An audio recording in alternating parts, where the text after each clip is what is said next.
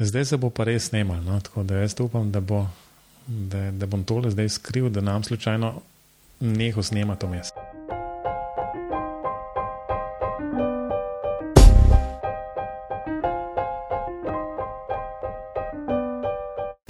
Pozdravljeni v oddaji podcasta PIM Pogovori, v kateri se z gosti sproščeno pogovarjamo o informacijskem modeliranju zgradb in informacijsko-komunikacijskih tehnologijah v gradbeništvu.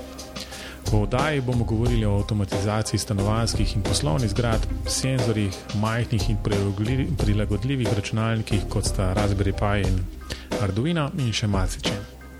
Z vami sva Robert in Mateoš.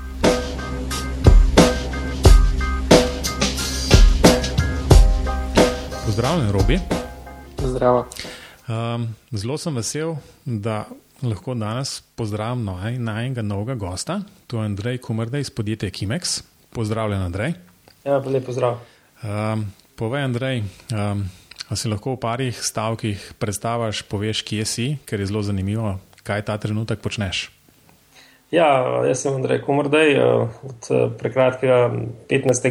aprila tega leta sem uh, končal uh, svoj magistrski študij na temo avtomatizacije zgradb stanovanjskih in poslovnih. Trenutno se pa nahajam na severo-zahodu Češke, v mestu Teplice, kjer je tovarna zraven v kraju Krupka, je tovarna Knauf Isolation, kjer sem kot skupina mednarodnih nadzornikov in projektnih članov projektne skupine eh, na obnovitvi proizvodne linije Knauf Installation. Um, super. Um, dal si istočnico za pogovor. Jaz bi v bistvu se mogoče malo kasneje vrnil na samo um, grupko in v bistvu to, kar počneš ta trenutek. Okay. Um, v bistvu za, za tale pogovor je vsekakor um, mogoče potrebno povedati, da je istočnica bila vsekakor tvoj magisterij, uh, ki se ga pred kratkim končal in to na mednarodnem podiplomskem študiju gradbene informatike. Um, mislim, da ni prav veliko študentov končalo ta študij, tako da lahko v pari stavkih poveš, um, kako se je vsa stvar dogajala. Mislim, da je tudi to za recimo, morda študente, ki bi poslušali ta podcast, zanimivo slišati kaj tasga. Ja, no, mogoče se vrnem nazaj v leto 2005, ne, ko sem enkrat eh, v enem določenem trenutku malo preveč časa in se potem človek odloči eh, za tako stvar, da bi še nekaj uh, doštudiral. Uh, in potem sem se prijavil z še enimi parimi mojimi sotrpini takrat uh, na ta uh, podiplomski študij. Um, nekaj časa smo odlično sodelovali ne, in smo nekako tudi sami uh, nekako uh, en drugega uh, budrili in uh, vodili skozi študij, naredili kar precej vaj, precej izpitov skupaj. Uh, potem pa je prišlo malo do, do krize uh, iz preprostega razloga, ker niso imeli moji člani nekako v tistem trenutku dovolj časa ali pa jim je upadel, um, kako bi rekel, želja pokončati študij. Takrat je tudi uh, meni nekako padlo, ker moje skupine ni bilo več, uh, ampak po enem času sem videl, ne, da še vedno je možnost, da dokončam do konca, in potem sem se potrudil narediti vse izpite in na koncu tudi magistrsko delo in zaključil študij. Tako da uh, jaz vsakom predlagam, ta program je bil za mene odličen, uh, posebej zato, ker je bilo, um, ker sem spoznal kar nekaj. Uh, univerz po uh, Evropi, uh, njihov način študija, njihov način študijskega programa, uh, razmišljanja profesorjev, razmišljanja drugih študentov, tako da mi je kar precej odprl obzorja, posebej tehnološki pristopi, načini, kako uh, rešujejo probleme v tujini, kako pravijo reševati tuje, probleme v tujini posebej. Um, mi je bilo všeč uh, področje 4D projektiranja, kjer je bilo nazorno pokazan, kako lahko več programov združiš med sabo, uh, s katerimi lahko potem uh, ne samo sprojektiraš objekt, ne samo v 2D, ampak v 3D in še časovno spremljaš celotno proceduro nastajanja objekta v realu. To mi je bilo zelo dobro. Vse ostale, vse ostale programe so, so bili tudi, recimo, predmetni, predmetniki in je bilo vse odlično. No. Če lahko malo skočim, mi da sem prej na tem programu uh, šolca. Um, pa me vedno zanima, nikoli niso te debate načela, ampak uh, ti izhajaš v bistvu iz uh, ene druge stroke, naravno iz gradbeništva, čeprav je seveda povezan z gradbeništvom. In me zanima, kako se ti je zdel ta program, glede na to, da, da um, si prišel med bolj kot ne arhitekte in gradbenike. Ja, jaz moram povedati, ne, da sem vse en, uh, to, da sem elektroinženir bil, ne, pa še vedno sem, ne, ker pač ta izobrazba ne gre. Uh, sem ravno zaradi narave mojega dela, ker jaz sem že od leta 2004 nadzornik uh, na različnih uh, objektih, ker sem se srečal z gradbeno stroko, z elektrostroko, z strojno stroko. In potem, ko enkrat padaš v to stvar, se nekako zabrišajo meje, da si pač usmerjen samo v eno področje. Začnejo te zanimati tudi uh, druge stvari. In to je bila potem tista stvar, ki je meni spodbudila, da sem šel na program uh, gradbene informatike. Uh, ravno zaradi tega, ker je mogoče ta program na gradbeni uh, fakulteti najbolj povezan z uh, mojim prejšnjim študijem. Ne. In moram reči, da se je kar področje pokrivalo, mislim, se je nanaša iz gradbeništva na elektro in tudi nazaj. Uh, in meni je bilo to perfektno, tako pa je to del mojega. Uh, mislim, mojega delovanja, uh, ki je tudi projektiranje, nadzor in to, kar delam. No. Ja, v bistvu, če lahko mogoče jaz tle malo pojasnim, da za vse tiste, ki ne poznajo tega študija, mislim, študije ne obstaja več, um, saj ta program ne, kako sem jaz, ja, tako, kako sem jaz seznanjen s tem. Ampak to, kar je bilo, se mi zdi zmeri nekako zanimivo, je to pač ker to se je vse skupaj nadaljava počel, uh -huh. vsaj v veliki meri. Tako da je pač dejansko bila ta verjetna izkušnja um, zelo, precej drugačna no, od tiste, ki so študenti vajeni, kjer se hodi v predavalnico, kjer so vaje skupaj, um, tle se vse dela nadaljava. Um, jaz mislim, da je to za, za, za neko industrijo, kot je gradbena, kjer se recimo gradbena industrija nekaj hvali z delom nadaljavo in kako se potem lahko neke specializacije delajo tudi na ta način. Um, več kot dobrodošlo, vstopam, da, da, v bistvu, da, da, bil, da so bila sama predavanja um, zanimiva, ker v bistvu vem, da je to zelo težko in poslušati za študente in v bistvu kot predavatelj to dejansko govoriti v, v monitor, kjer nimaš nekega pravega feedbacka nazaj od študentov. Ja, pa jaz bi mogoče povedal tako, da bi rekel, da bi, bil, da bi bila stvar, ki je bolj olajšana, ali pa da bi nam gledali skozi prste, zaradi tega, ker je bilo to nadaljavo. Jaz sem imel občutek, da je to čisto normalen študijski program. Uh, vse vaje, komunikacija je potekala preko, niti se ne spomnim, katere programske upreme danes, ampak je bilo vse dosti profesionalno. Uh, poleg tega, da si videl, da je bil participant, uh, na, mislim, da je bilo na levi strani, je bilo kompleten ta material študijski prezentiran pred tabo, včasih si videl celo uh, tako, da je, bilo, da je bilo predavanje normalni predavalnici pred ostalimi študenti, pa smo bili mi samo s kamero povezani, pa z mikrofonom si še vedno lahko dostopal, pa vprašal kaj. Um, tako da mogoče je bila to uporaba nove tehnologije za način študija ali pa to, kar je zdaj pač nekaj normalnega. Ne?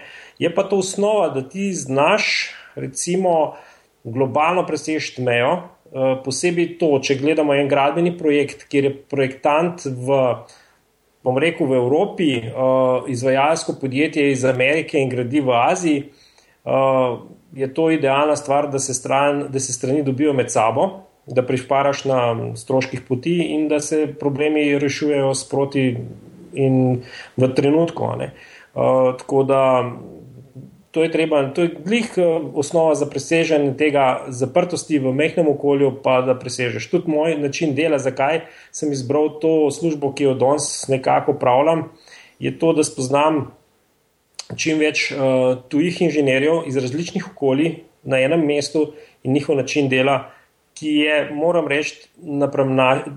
napram nadzornimi, mogoče sestanki nadzornih, um, nadzornikov v Sloveniji precej drugačen pristop. No. Mislim, da je veliko bolj vojaško orientiran, kot pa pri nas je bilo precej razpuščeno, kadarkoli smo imeli te sestanke v Sloveniji.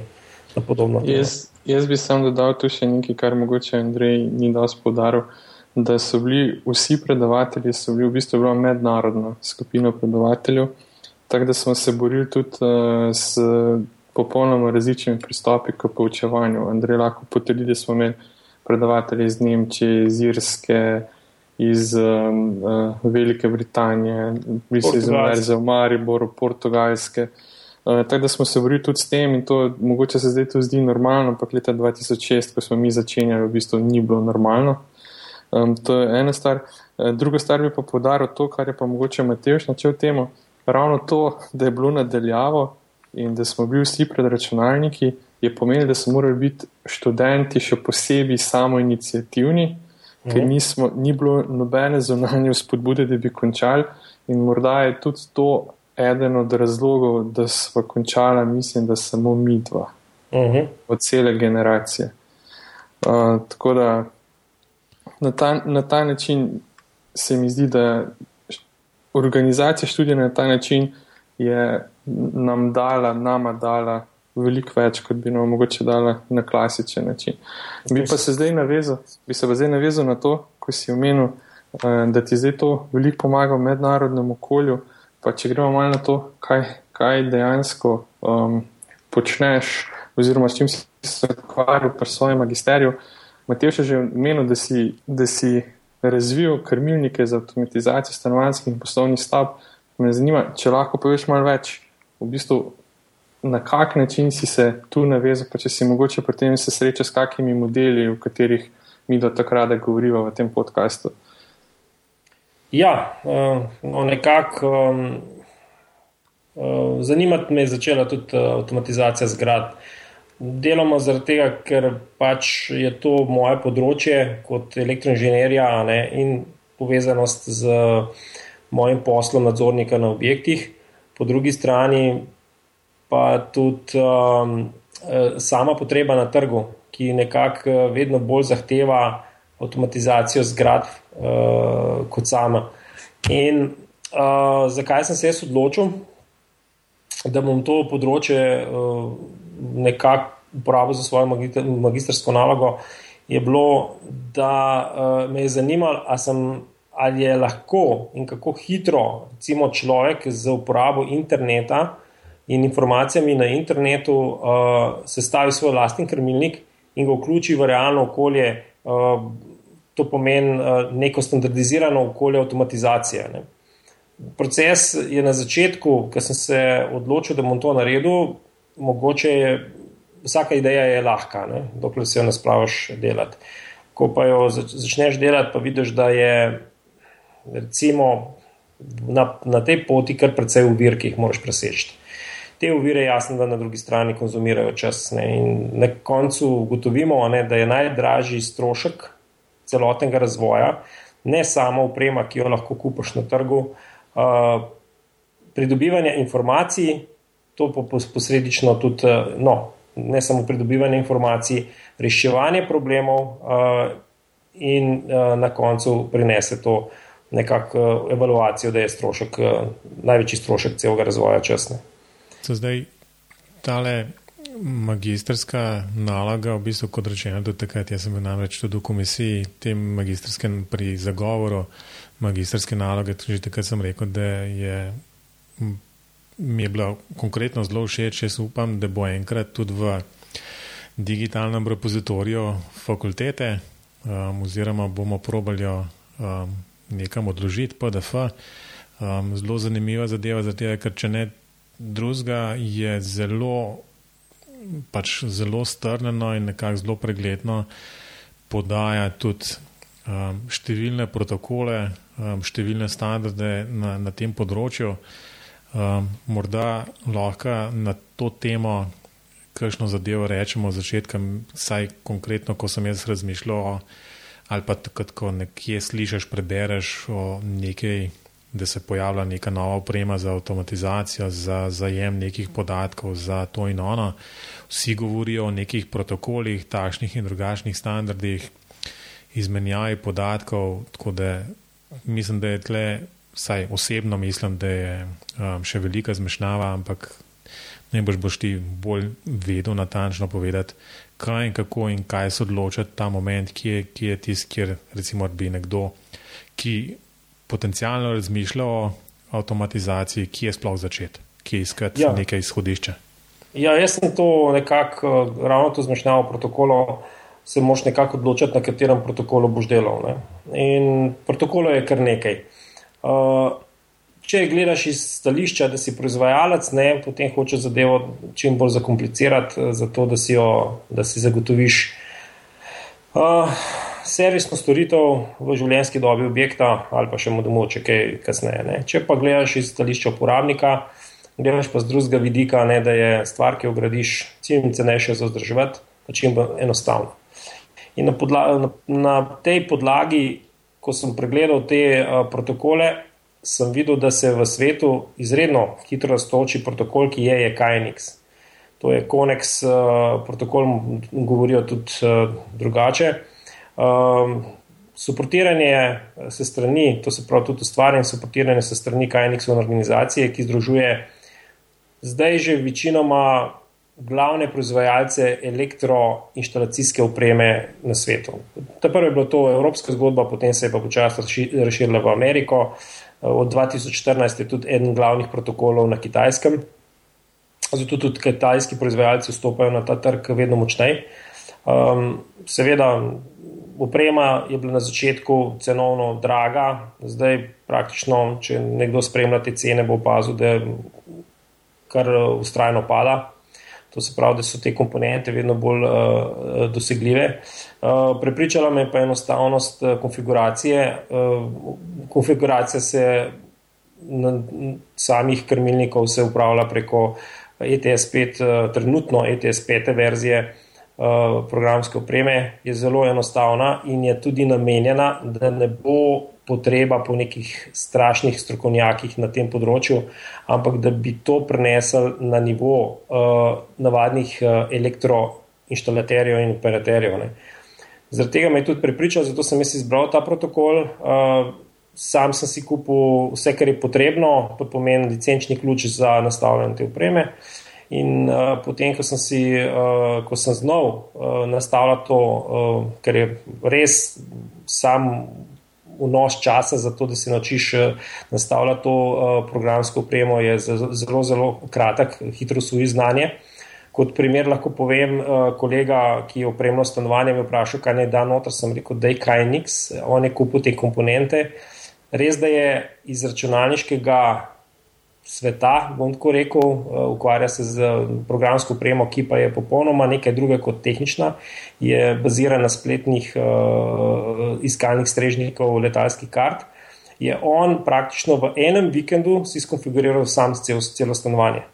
To je, to je meni, recimo, nekaj popolnoma novega, ker eh, do zdaj, ker sem delal na objektih, so se pojavljale slovenske znana podjetja, slovenska znana podjetja, z svojimi kompliciranimi pristopi, uh, ki te probajo narediti odvisnega od njih, uh, ti ponudijo drago vzdrževanje v naslednjih letih in je popolnoma napačen pristop. Zato jaz nekako uh, gledam naprej, da prava oprema je tista, ki ti bistveno ne podraži implementacijo same uh, opreme tudi v času delovanja. Ne. To je pomembna stvar. To ne sme biti pomemben strošek v, v življenjski dobi objekta. Ne pa še nekaj, uh, kaj nekaj organizacija zahteva 100% uh, kompatibilnost, kar uh, pri prejšnjih protokolih ni bilo. In so recimo kmalo, ko so neke, neki proizvajalci delali na skupnem protokolu, kmalo zašli v vsak v svojo slepo ulico in potem stvari med sabo niso več delovale. Tukaj pa je od vsega začetka 100% kompatibilnost tudi v naslednjih letih tudi v življenjski dobi celega objekta bo zagotovljena uh, kompatibilnost. To pomeni, da bo čez nekaj let zamenljivost opreme tudi 100% kompatibilna. Ne. To je pa tista pomembna stvar, ki pa more biti, uh, ker se vsaka komponenta stara, posebej, če je računalnik ukomponiran. Uh, To mi vemo, da vsaka elektronska komponenta se stara in vedno po določenem času rabi zamenljivost.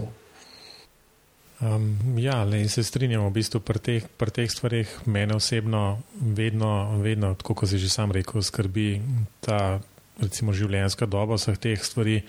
Tako da bi vsekakor se strinjal tudi s tabo v smislu izbire enega protokola, v katerem so vključeni oziroma za katerega skrbijo in ga razvijajo pač nek konzorci nekih um, podjetij, um, ker vedeti se na enega in v bistvu biti odvisen od, um, ne vem, od ene firme na recimo res na, na dolgi rok, na 10, 20, 30 let, um, je v bistvu najbrž um, zelo neodgovorno. Um, blago rečeno. Ne? Da, omenil si tudi to, da um, si sam kupil določeno opremo, uh, mogoče samo ocena, koliko je recimo nek tak strošek, začeten strošek za to, da se da recimo bi, vem, opremo eno stanovanje, recimo dvosobno stanovanje, pa bi rad v bistvu, da malo zautomatiziral, ne vem, žaluzije bi gor pa dol um, šibal, pa ne vem, kakšno luč bi rad pržgal na, na kakšen tak bolj avtomatiziran način ali pa izklapljalo določeno opreme, koliko je recimo samo za, za, za en tak splošen občutek, kaj, odkje se začnemo pogovarjati um, pri tej opremi? Ja, zdaj vsaka stvar, uh, ki je povezana z računalnik, rabi IP umestnik, uh, pa napajalnik, to so osnovne dve komponenti, na katerih štartamo, ne, napajalnik za sam uh, protokolno vodilo. Um, tukaj to je cenovno ugodno, tukaj mogoče govorimo štartamo s 300 evri. Za stanovanje rabimo, seveda, odvisno je od velikosti stanovanja. Uh, obstajajo KNX moduli stanovanski, to pomeni, da so to uh, enosobno, dvosobno, maksimalno stanovanski, obstajajo za 500 evrov. Notr v tem modulu, to je pravzaprav modul, ki je bi bil lahko tudi hotelski modul. To sta zelo podobna modula. Govorim o modulih, ki so standardizirani in se eh, montirajo direktno na eh, DIN noram, standardno tirnico v električno marco. Uh, to je od 500-600 evrov. Zdaj, če hočemo mehen, bolj kompliciran stanovanje imeti, velikosti pa rečemo 60-70 kvadratnih metrov, pa da res ne pretiravamo z nekimi uh, funkcijami, to pomeni, da imamo krmiljenje žaluzij, da imamo zatemnevanje luči v let tehnologiji, da imamo prižiganje vtičnic. To pomeni, da ko zapustimo stanovanje, seveda ne smemo izklopiti hladilnika, ampak ostale stvari se pa lahko izklopijo, da gre stanovanje v stanje mirovanja, če, razen če nimamo noter kakšne živali ali pa take stvari, ki, ki zahtevajo normalno delovanje stanovanja, pa lahko govorimo nekje o strošku okoli 2000 evrov. Um, ja, um, zdaj. Mislim, to je dobro, to je dobro vedeti. No, v bistvu mislim, da je Robije, Robije um, delo novo gradno. Jaz sem pred kratkim, oziroma pač par let nazaj, smo prenavljali starejšo hišo. Um, moram reči, da v določenem momentu sem dejansko razmišljal tudi o tem, pa v bistvu jasno zaradi stroškov verjetno in, in zaradi vseh drugih težav, ki so pri tem nastopili, opustil vse te ideje. Um, tudi zaradi verjetno um, enega splošnega občutka, da je to nekaj zakompliciranega in da, da bo človek rabo potem nek konstanten servis. Um, tako da me zelo veseli, da, um, recimo, da je ta tehnologija tako daleč napredovala, da da, da načeloma, če si ne zmišljuješ res nekaj najmogočega, v bistvu, da pa to kar dela, ne? da lahko močkam pozabiš na vse skupaj, pa da to dela. Ja, seveda se uh, sistem je takne, da ko enkrat izkonfiguriran, vedno moš narediti uh, backup uh, samih nastavitev stanovanja. Ne? Tako da, če pride do sesutja, ali pa ukvarja opreme, ne praktično samo uploadaš nov program in je zadeva rešena, mora takoj delovati. Blih uh, pri KNX-u je pa ta dobra lasnost, ne, da je vsaka enota, recimo, uh, ker je razdeljena na različne krmilnike, krmilnik za žalozije, krmilnik za uklapljanje in izklapljanje kontaktov, uh, dimmer moduli. Um, vsak je svoj lasten procesor, uh, ki komunicira med sabo z drugimi enotami, in če pač pride okvare na eni od teh enot, se samo to enoto zamenja, ostale uh, enote medtem delujejo nemoteno naprej. Tako da je nekako, bi rekel, distribuirana varnost, ne, da je še vedno 80%, 90% sistema bo deloval, uh, treba jo samo odpraviti v okvaru na določeni napravi, ampak vse to je pa praktično povezano, tudi če ti žarenca crkne, jo moš na koncu tudi zamenjati. Res mogoče v tem primeru strošek malo dražji, ampak uh, ni pa. Ni pa neodliv. Um, mogoče še pri sami namestitvi tega, da mhm. se potrebuje neka dodatna napeljava v smislu um, nekih kablov, ki jih je treba vleči na okol, ali um, gre to kar po navadni um, elektrih, električnih vodih, um, kako v bistvu ta komunikacija sploh poteka med posameznimi moduli. Uh, protokolno vodilo. Uh, TCP/IP je druga opcija, potem imamo brežično povezavo, pa tudi eh, po samem eh, napajalnem kablu, to pomeni standardnem 220-voltni razpeljavi po hiši. Vse te možnosti so, ne. seveda se mora vsak zase odločiti. Ne. Zdaj, če je celna instalacija, se lahko stare kable potegne ven, se uvede nove protokolne kable noter, to je zelen kabel, standardni podatkovni kabel za hišno avtomatizacijo. Uh, lahko pa se premosti določene razdalje brez problema tudi z brežičnimi moduli. To pomeni, da na enem koncu ga zaključiš, uh, daš brežični modul, na drugem koncu brežični modul, pa spet lahko tam razpelaš uh, svojo instalacijo. Možnosti je več. Vsak se mora zase odločiti, kakšna je najbolj primerna rešitev, pa tudi najcenejša. Um, tudi, uh, kar se tiče same omarice, če zdaj mehna omarca v hiši, lahko se vrže staro marco ven, da veliko večjo marco noter, ker so vsi krmilniki na enem mestu. Lahko se jih pa distribuira tudi tako, da so montirani za obstoječimi stikali, za obstoječimi vtičnicami in pač lokalno krmilijo določen, določen, recimo, določen vtičnico ali pa stikalo ali pa karkoli. Ne. Možnosti je več, možnosti je praktično to, kot je ideja v tem primeru. Ne. Seveda poznamo tudi uh, drugačne instalacije, mislim, dru, drugačne protokolne sisteme, uh, ki delujejo kot uh, brežično na podlagi tega, da je not celo mikrogenerator v stikalu in ko ga pritisneš, sama tipka z pritiskom požene mikrogenerator, ki sproži napajanje, tako da uporabi med. Uh, Eh, kot nekako baterijo, mali kondenzator, ne, in potem sama elektronika pobere energijo, ki jo ustvariš s pritiskom na stikalo, ne, in pošle potem neko kazno funkcijo na določen drug konc v kratkem dosegu. Ne. Tudi taki sistemi so. Robi, kakšno vprašanje? Uh, ja, v bistvu me zanima nekaj v procesu gradnje svoje hiše. Sem seveda tudi jaz razmišljal o tem, um, ampak sem na koncu pustil Zato, ker sem imel občutek, da se v bistvu na trgu pojavlja, oziroma ne bom rekel na trgu, ampak vsak graditelj ima dve možnosti. Eno je, da se odloči za nek um, off-the-shelf produkt, se pravi nek končan produkt, ampak mhm. v tem primeru je popolnoma odvisen od, od ponudnika, proizvajalca in tudi od njegovega servisa. Drugo, za kar se pa ljudje v Sloveniji bolj odločajo, pa točno to, kar si zdaj omenil da sami poskrbijo za avtomatizacijo svoje hiše. Ampak v, na ta način se pa jaz nisem upal iti v avtomatizacijo, čeprav sem želel samo žaluzije krmiliti, pa morda bi v odvisnosti od vetra krmilo žaluzije, ker imamo pač tak, tako lokacijo. Um, in se mi zdi, mislim, moje vprašanje je bilo naslednje. A se ti zdi, da lahko to kdorkoli uredi za svojo hišo, oziroma ne bo rekel kdorkoli, ampak da lahko to en inženir, en tehnik uredi sam za svojo hišo, ker meni se zdi, da vse krmiljenje teh Arduino, Raspberry Pijev in podobno, to ni nekaj, kar bi se lahko lotil kdorkoli. Moraš biti pa do neke mere, um, kako ne rečem, sam svoj mojster, da lahko na dolgi rok to vzdržuješ. Kaj, kaj ti misliš o tem? Arduino, res, res Bripaj je za, za, za nesenjake. ki so pripravljeni vložiti določen čas noter, spisati program in ga uporabiti.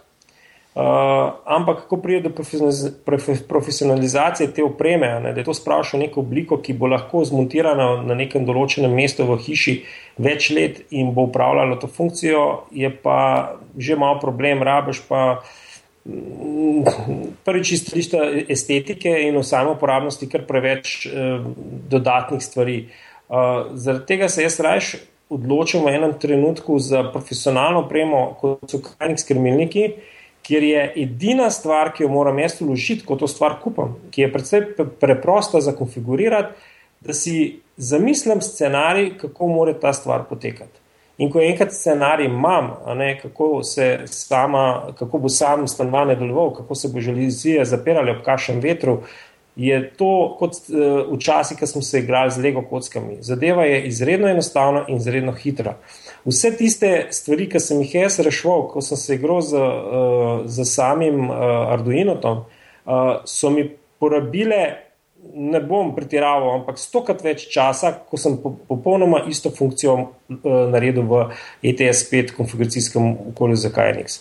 To pomeni, da nekdo, ki je tehnično izobražen, pa je zdaj le bom lahko rekel gradbenik, strojnik ali elektrostroje, stroke, še posebej iz računalništva, si lahko sam skonfigurira to po nekem kukarskem načrtu, ki se ga bo samo v glavi naredil, pa res ne bom spet pretiraval v pol dneva za cel stanovanje. In tudi potem, kasneje, za vzdrževati, noben problem. Ravno tega kolega, ki sem ga omenil, on si še vedno danes kakšne stvari malo drugače misli, da se mu bojo luči pa malo drugače, ker uh, bistveno tudi kajniksa je, da ni klasičnega prižiganja luči pa ugašanja na enem stikalu, ampak je, ko vstopiš v prostor, si pravzaprav na različnih osmih tipkah izbiraš različne scenarije osvetlitve. Uh, to pomeni, da imaš skupino recimo osmih luči, ki se vsaka v različno, z različno intenziteto uh, za določeno priliko prižigajo. Ne.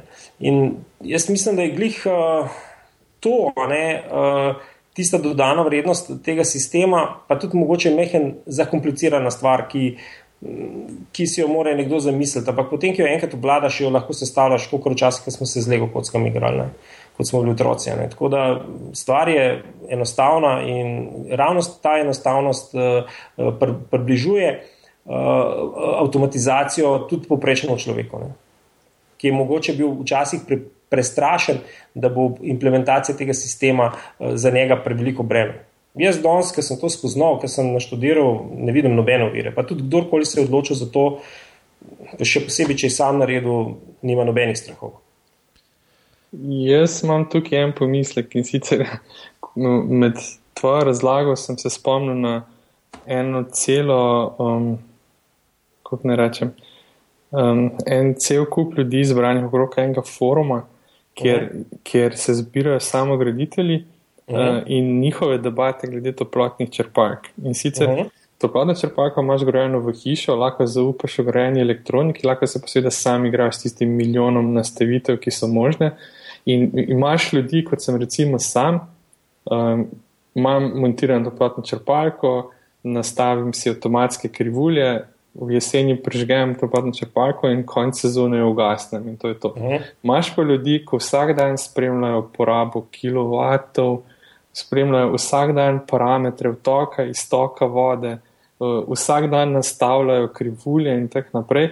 V toplotno obdobje v hiši, ne vem, če je drugače, mislim, da ne. Prihranek energije pa mogoče tam v rangu do 3%. In tako je meni isto pri tem, ne um, pri avtomatizaciji hiše, čeprav mi je privlačno in vse, ne verjamem, da je to sposobno narediti kdorkoli, spoh pa ne v pol dneva, ko si imel pol dneva za eno tako stanovanje. To mogoče za profesionalce, kot si ti, ampak jaz mislim, da um, tudi malo bolj poučen inženir. Um, ne vem, če bi se upal spustiti v to. Ja, no, lahko to nadaljujemo enkrat tako skupaj, da se dobimo, pa da pokažem uh, sam sistem, pa logiko nastavljanja tega. Uh, in kaj enkrat spoznaš, ne, uh, postaneš kar malo tako, da malo tako za, za svoje ideje, ki vidiš, kako lahko to postane. Ne. Recimo, jaz bi to primerjal uh, s samo konfiguracijo Kajniksa preko ETS5 bi primerjal z brskanjem po internetu. No. Res, približno ta isti nivo je. No. Sam, če veš, na internetu veš, kaj hočeš zbrskati. In začneš iskati, in brskaš, brskaš in najdeš. Ne? Tukaj je pa samo pristop drugačen, moraš pa nekako v glavi si narediti uh, scenarij, kako hočeš, da tvoje stanovanje deluje, in boš zelo hiter naredil, ker ti spet ni stvar taka, da imaš neomejene možnosti pri konfiguraciji. Ne? Ampak imaš, recimo, pri nekaterih zelo enostavne, no, dobro, pri ogrevanju pa malo bolj zakomplicirane. Ampak, če veš, kaj je tista stvar, pri ogrevanju, moraš, kaj moraš nastaviti, da ti pravilno deluje, jo boš potem, ko boš enega nastavil, en kanal nastavil, boš lahko za, za vse sobe zelo hiter. Ker eh, bistveno eh, pri eh, sami konfiguraciji je to, ko enega, en kanal nastaviš, za vse ostale kanale lahko samo copy-paste narediš in zadeva potem hitro steče. Ne. Tako da vem, ker smo imeli. No, ravno pri ogrevanju smo največ časa porabili, to je trajalo tri ure, da smo pogruntali sistem potem je bilo pa samo še copy-paste po ostalih sopah in je potem zadeva hitro skodila, pa delovala. Tako da lahko se dobimo enkrat, pa pogledam, pa jaz razložim celo zadevo in bo navdušen. Kaj precej večje kot danes, ki še vidim močen skepticizem na drugi strani.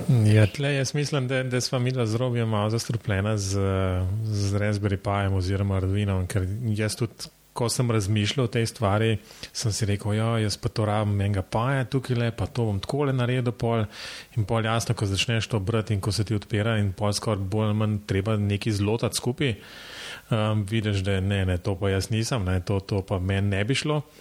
Ampak moram pa reči, da takrat, ko sem bil pa na zagovoru, pa, pa to vidiš v živo, pa vidiš, da dejansko nimaš dejansko čisto proste roke za vse, ampak imaš nek nabor nekih ukazov, ki jih lahko potem pač programiraš. Um, Pol pa vidiš, mogoče bi se pa to vse dal, ne? ampak je pa res, da moraš biti mečken tako, ne, ne, ne nujno tehnično um, podkovan, ampak recimo, da moraš biti nagnjen k temu, da, da te kaj tazga ni strah početi, pa v bistvu, da znaš, ne vem, kakšen izvijač v roke prijet, pa te v bistvu do elektrike ni, ne vem, da nimaš dih nekih slabih um, slabe odnose do elektrike. No? Ja, to je edina ženska, ki se ne posluša. ampak, ja, ampak eh, dobro. Uh, ja, jaz, sej, če jaz pogledam, uh, če gledamo skozi uh, pogled uh, Raspberry Pi ali pa Arduino, to je precej bolj zahtevna zgodba. To, to ni enostavna stvar. Sam nakup krmilnikov, ki so pa že narejeni, ker moramo nekaj vedeti. Ne? Uh, Kajnik krmilnika uh, nobeden sam ne programira. Ne programira ga v tem smislu, da bi mu recimo noter naredil program, po katerem bi krmilnik deloval. Vse, kar delamo pri Kajniksu, nastavljamo parametre, uh, ki so že predprogramirani in jih samo izbiramo. Klikamo, recimo, če pogledamo praktično uh, štirikanalni input modul, to pomeni, da bo uh, imel štiri vhode. Uh, Eh, mi za vsak vhod se moramo samo odločiti, kaj bo. Ali bo to vhod stikala, dvojnega stikala, to pomeni kratek dolg pritisk. Eh, govorimo o tipki, da, da bom se popravil, ne stikalo, ker stikalo ima drugo funkcijo. Še enkrat bom povedal, eh, govorimo o tipki ali dveh tipkah, kratka, dolg, dolg, dolga, ali pa govorimo o dimmer vhodu. To pomeni, da bo sam krmilnik čakal, ali bo tipka kratko pritisnjena ali bo dolgo, pa bo potem v tistem določenem trenutku dimo. Ampak to, kar mu mi nastavimo, potem moramo samo še povedati, na katere grupne adrese bo pošiljal uh, sprejeto informacijo. In na podlagi te informacije, ki bo pošla, poslana po določeni grupni adresi, se bo na drugi strani določen krmilnik, ki mu bomo pa sprogramirali drugo funkcijo, to aktuatorsko funkcijo, ali bo vklapljal izklapljal ali pa bo dimov. Ne? In če mi enkrat v glavi vemo, ne, da rabimo nekje eno tipko, jo, ali pa nek dimmer, eh, ki ga obračamo, da se bo luč eh, intenziteta spremenjala, je to popolnoma ista analogija, samo še spraviti moramo v par korake. In ko imamo te tri korake narejene, je zadeva hitro delujoča. Ni, um, mene in pri uh, Kajniksu nikoli nisem prišel v tisto frustrirajočo uh, situacijo, da sem z glavo razbil, zakaj pa to ne dela, ali pa zakaj, recimo, kje je tista napaka, ki pa Arduino, ki sem ga sam programiral, tam je bilo več, ker sem šel spat z. Brez odgovora na določeno vprašanje. Jaz sem na naslednji dan bilo to čisto enostavno rešiti, zato ker je bila noč čez in so možgani prespali in so najdli rešitev. Prkajnik so je pa tako, kot sem rekel, sestavljene Lego kocke. Zelo lepo se sliši, um, ampak zato, da ne bomo predolgi, um, bi jaz na tem mestu počas zaključil z razpravo o, o, o telih protokolih in okay. vsem skupaj. Bite mogoče držati za besedo in enkrat bi bilo zelo fino um, to v, v živo videti. Morda enkrat, ne vem, ko boš v Sloveniji sodeloval pri kakšnem projektu, če boš takrat poklical in rekel, pridite pogledat, um, kako se to dela v živo um, z veseljem. Okay. Tako da imam pa jasno cel kup še drugih vprašanj, um, morda kaj skrajšamo, ampak um, ena stvar, ki me osebno tudi zanima, pa je recimo, da je popularno ta moment. Um, Um, so senzori, kako je senzori v, v takšnem kontekstu, ali je to kakorkoli kaj povezan, ali ker senzori, ne vem, recimo razni akcelerometri um, in podobne stvari, ki bi jih recimo za, za spremljanje obnašanja ene stavbe um, namestila. Je to kakorkoli povezano s tem ali je to čist druga zadeva? No, ravno te posebni uh, senzori, uh, ki niso v standardni proizvodni, uh, so zanimivi, da jo potem vzamemo sam nek krmilnik Arduino, uh, ga malo sprogramiramo in potem to recimo v, v, v centralnem sistemu avtomatizacije v hišne uh, deluje. Uh, mi moramo vedeti, da na trgu uh, najdemo samo tiste senzorje, ki se redno uprav, uh, uporabljajo v stanovanjih ali pa v zgradbah. Ne. To je preprost uh, kvaliteta zraka, najbolj pomemben senzor pa senzor zaznavanja prisotnosti. Uh, te infrardeči senzori so glih v zadnjem času dosegli svoj napredek, zato ker ne samo, da zaznavajo gibanje po prostoru, da zaznavajo tudi uh, količino uh, uh, ljudi v prostoru, ne samo ena osebe ali pa tako, ampak da lahko zazna, koliko je oseb prisotnih. In uh, tudi, ali se te osebe gibajo ali so na, na miru. Zaradi tega, ker glih ravno uh, te funkcije potem sprožajo določene procese avtomatizacije v samem prostoru. To so tisti senzori, ki so uh, v objektu najpogosteje uporabljeni, na, potem so pa še senzori zunaj objekta, ne, ki pa so ponovadi uh, enostavne vremenske postaje, ki dela, gledajo os, uh, to se pravi osvetljenost, osončenost, uh, pa hitrost vetra. In na podlagi teh dveh parametrov, seveda v kombinaciji z dnevno uro, zato da se ve, na kateri strani je sonce, ne, orientacija objekta, potem odpira in zapira žaluzije, prilagaja gretje, prezračevanje in tako naprej. Zdaj, ostali senzori, specialni senzori, recimo vibracije ali pa prenose zvoka, ali pa to so pa potem stvari, ki so mogoče malo manj uh, komercialno zastopane, se jih pa lahko uh, implementira, mogoče v nekem pionirskem projektu, pa potem tudi izvede, pa proba najti neko uporabno funkcijo tega. Ne. Okay, super, hvala za, za, za tole predavanje, v bistvu, ker um, zdaj mi je močkaj bolj jasno vse skupaj. Um, Robi, kaj za vprašati? Imel bi še ravno vprašanje, ampak um, predvsem v mestnikih, če bi lahko to pripeljali na kakšne umestnike, ki jih poznamo za kakšno drugo nalogo, recimo kakšne Apple TV ali kaj podobnega, ampak dajmo to pustiti za naslednjič. Ja, moramo, mogoče bi se sam pred. Uh, K4, uh, zdaj ne morem pogledati, ne spomnim se točno za kater uh, televizor. Uh, so televizori, ki imajo uh, serijske uh, me, uh, priklope na hrbtni strani, in seveda, vedno več ima tudi uh, umrežne priklope. Uh, In ravno uh, za določene type televizorjev obstajajo mestniki, ki jih povežejo v kajnih okolje, zakaj, ko ti prideš nazaj v stanovanje, ne, uh, seveda pritisneš uh, gumb doma in v tistem trenutku se določen proces uh, uh, požene. In med tem je tudi pri, prižiganje glasbe, um, prižiganje televizij. Izbira določenih modov, recimo, mogoče se ti bo na televiziji uh, ko boš pritisnil romantika, se bo on preklopil in bo se pokazal samo kamin, če nimaš ta pravega kamina in tako naprej. In to že obstaja, to, to je danes praktično že uh, aplikabilno. Um, super, jaz se strinjam z Robijem. Tole bi, tole bi, o tem bi lahko razpravljali še za ene tri podcaste, ja. imamo debate, um, tako da jaz upam, da te bomo lahko še kdaj dobili. Um, bi pa res na tem, na tem mestu se skupaj počasi um, speljali v, v novice in priporočila, um, pa pustili morda kakšna pač vprašanja povezana z avtomatizacijo za kdaj drugič. Okay. Robi, povej, kaj je novega, kaj si pripravil za danes? Um, kaj sem pripravil za danes? Moje priporočilo za danes je um, nekaj spet v povezavi s podjetjem CGS, ki smo, smo ga slišali, že, o katerem smo, smo slišali že veliko stvari prejšnjič. In sicer naletel sem na eno revijo, ki sem jo poznal že odprej, pa sem vmes malo pozabil na njo in to je njihova revija Dimensijo. Um, Povezavo boste lahko našli v zapiskih tega, tele tretje oddaje našega podcasta.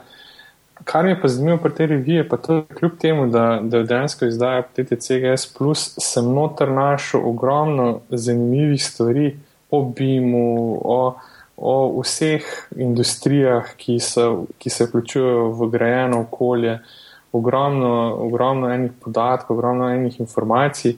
Tako da jaz predlagam, da če mogoče koga to zanima, to področje zanima, pa te revije še ne pozna. Eh, na povzaji najdete vse njihove revije, mislim, da zdaj aktualna številka je 20. številka, pa iz decembra 2015, pa bo mogoče lahko videli ne samo, eh, da bojo dobili samo informacijo o tem, kaj počne podjetje CGS, ampak je ogromno enih informacij o načrtovanju, projektiranju, obimu, o novitetah eh, in tako naprej. Tako da lahko samo to priporočam. Um, hvala, Robi. Um, Andrej, imaš ja. kaj tazga? Za priporočiti. Ja. Ja, ni nujno. Ne? Um, pa, jaz sem si že veliko stvari omenil. Da, um, Ker se tiče BIM, BIM-a, seveda, ne, um, to je prihodnost. Ne. Problem je, da ta prihodnost v Sloveniji zamuja, ne, kot marsikaj zamuja. Ne. In uh, mogoče samo praktično poraba svetujem, ne, da se čim več uh, te sisteme uporablja ne, in da se proba projektni nivo spraviti na ta višji nivo. Ne samo tako, da se uh, projekte zaključi z uh, pred izgradnjo objekta, pa potem po koncu z nekim zaključenim, uh, izvedenim uh, projektom, ampak da je BIM sistem, ki gre skozi celotno življenjsko dobo objekta in da se noter vnašajo vse spremembe, ki uh, uh, nastajajo, ker mi vemo, da se z zaključeno gradnjo nikoli ne konča, uh, da se spremembe nikoli ne končajo in da so vedno nove spremembe. In jasno, da največkrat po določenem času se izgubijo uh, informacije o vnešenih spremembah. In tukaj bi jaz svetovne, da uh, da bi uh, vsakemu, ki ne, na tem področju dela, da ne čim prej uh, začne razmišljati o uporabi teh uh, sredstev, ki so zdaj na voljo. Um, hvala. To je pač recimo temu tudi, upam, stranski produkt tega podcasta. Tako da je najprej zavedanje o vsem tem različnih tehnologijah, um, o možnostih in potem pač um, poskrbeti, da se to dejansko spelje v praksi. Um, no, z moje strani um, imam dve zadevi pripravljeni. Ta prva novica, um, Revit 2017 je bil izdan 18. aprila, tako da čist zadeva je sveža. Um, no, tisti, ki imate Revit nameščen, ne vrš to, tako tako že veste, tisti, ki ga ne uporabljate, um, pa mogoče je zdaj prilika, da si ga namestite, kakšno verzijo, um, testno verzijo, če ne drugega. Um, pogledajte stvari kakorkoli se hvali, Autodesk, um, mislim, da so predvsem zelo velik del na hitrosti, tako da so razne izrisovanja, modelov, um, senčanja, renderiranja in tako naprej v bistvu mnogo hitrejše, kot so bila um, do zdaj. Um, no, zdaj ta, dru, ta druga taka zadeva je pa spet neka moja, moja stvar okoli um, audio knjig. Um, tole bo vsekakor izdal, koliko sem star. Um, no, ko sem jaz še študiral, um, smo veliko preigrali Dum, če se kdo spomni te igrice. Ja, ja, um, mislim, da sem v določenem momentu se odločil, da to pa ne smem več igrati, zato ker si bom pokvaril oči. Um, pa slabo mi je bilo včasih že. Um, tako da no, ta knjiga Master, Masters of Doom um, govori o nastajanju um, oziroma o firmi id, Software, se pravi pač teh, ki so razvijali um, od, od Wolfensteina 3D do, do, do Duma in poznajo tudi Quake. Tako da je zelo zanimiva, zelo priporočam sem tistim, ki jih recimo so dal um, ta čas nekako skozi in recimo se prav dobro spomnim, ko omenja, vem, kakšno letnico, ne vem, 92, kaj sem jaz takrat počel, kaj so pa te tipi takrat počeli, ne, dejansko s temi igrami. Tako da toplo priporočam, če še želi kdo kaj prebrati na to temo. Um, toliko o novicah, proti koncu gremo um, za konec, oziroma predno končamo še tri hitre vprašanja, tako kot vedno. Um, Andrej, tole je zate. Um, prvo vprašanje pa BIM programska oprema. Kaj uporabljaš, kaj priporočaš, oziroma pač um, en program, povej, ki, ki ti je najbolj pri srcu. Ja, najbolj pri srcu, pri srcu sta mi dva, AutoCAD, absolutno, in na drugi strani ArchiCAD. Ne. Uh, Arhicad mogoče zaradi njegove enostavnosti, ker prav AutoCAD pač uh, mogoče sama priprava, da si uh, v 3D-ju narediš uh, nek, uh, neko prezentacijo, traja malo daljš kot v Arhicadu, ki je bolj enostaven, samo pa ni pa tako natančen. No. Ampak oba sta mi kar precej všeč. No, pa bomo tle dali kljubca arhikedo. Um, sicer uh -huh. neko zrobijo ne veva, se to, to pravilno reče arhiked ali arhiked, um, tako da, ampak vsi ja. dobro vemo, kaj mislimo. Ja. Um, drugo vprašanje. BIM, a je ti SM model ali je proces?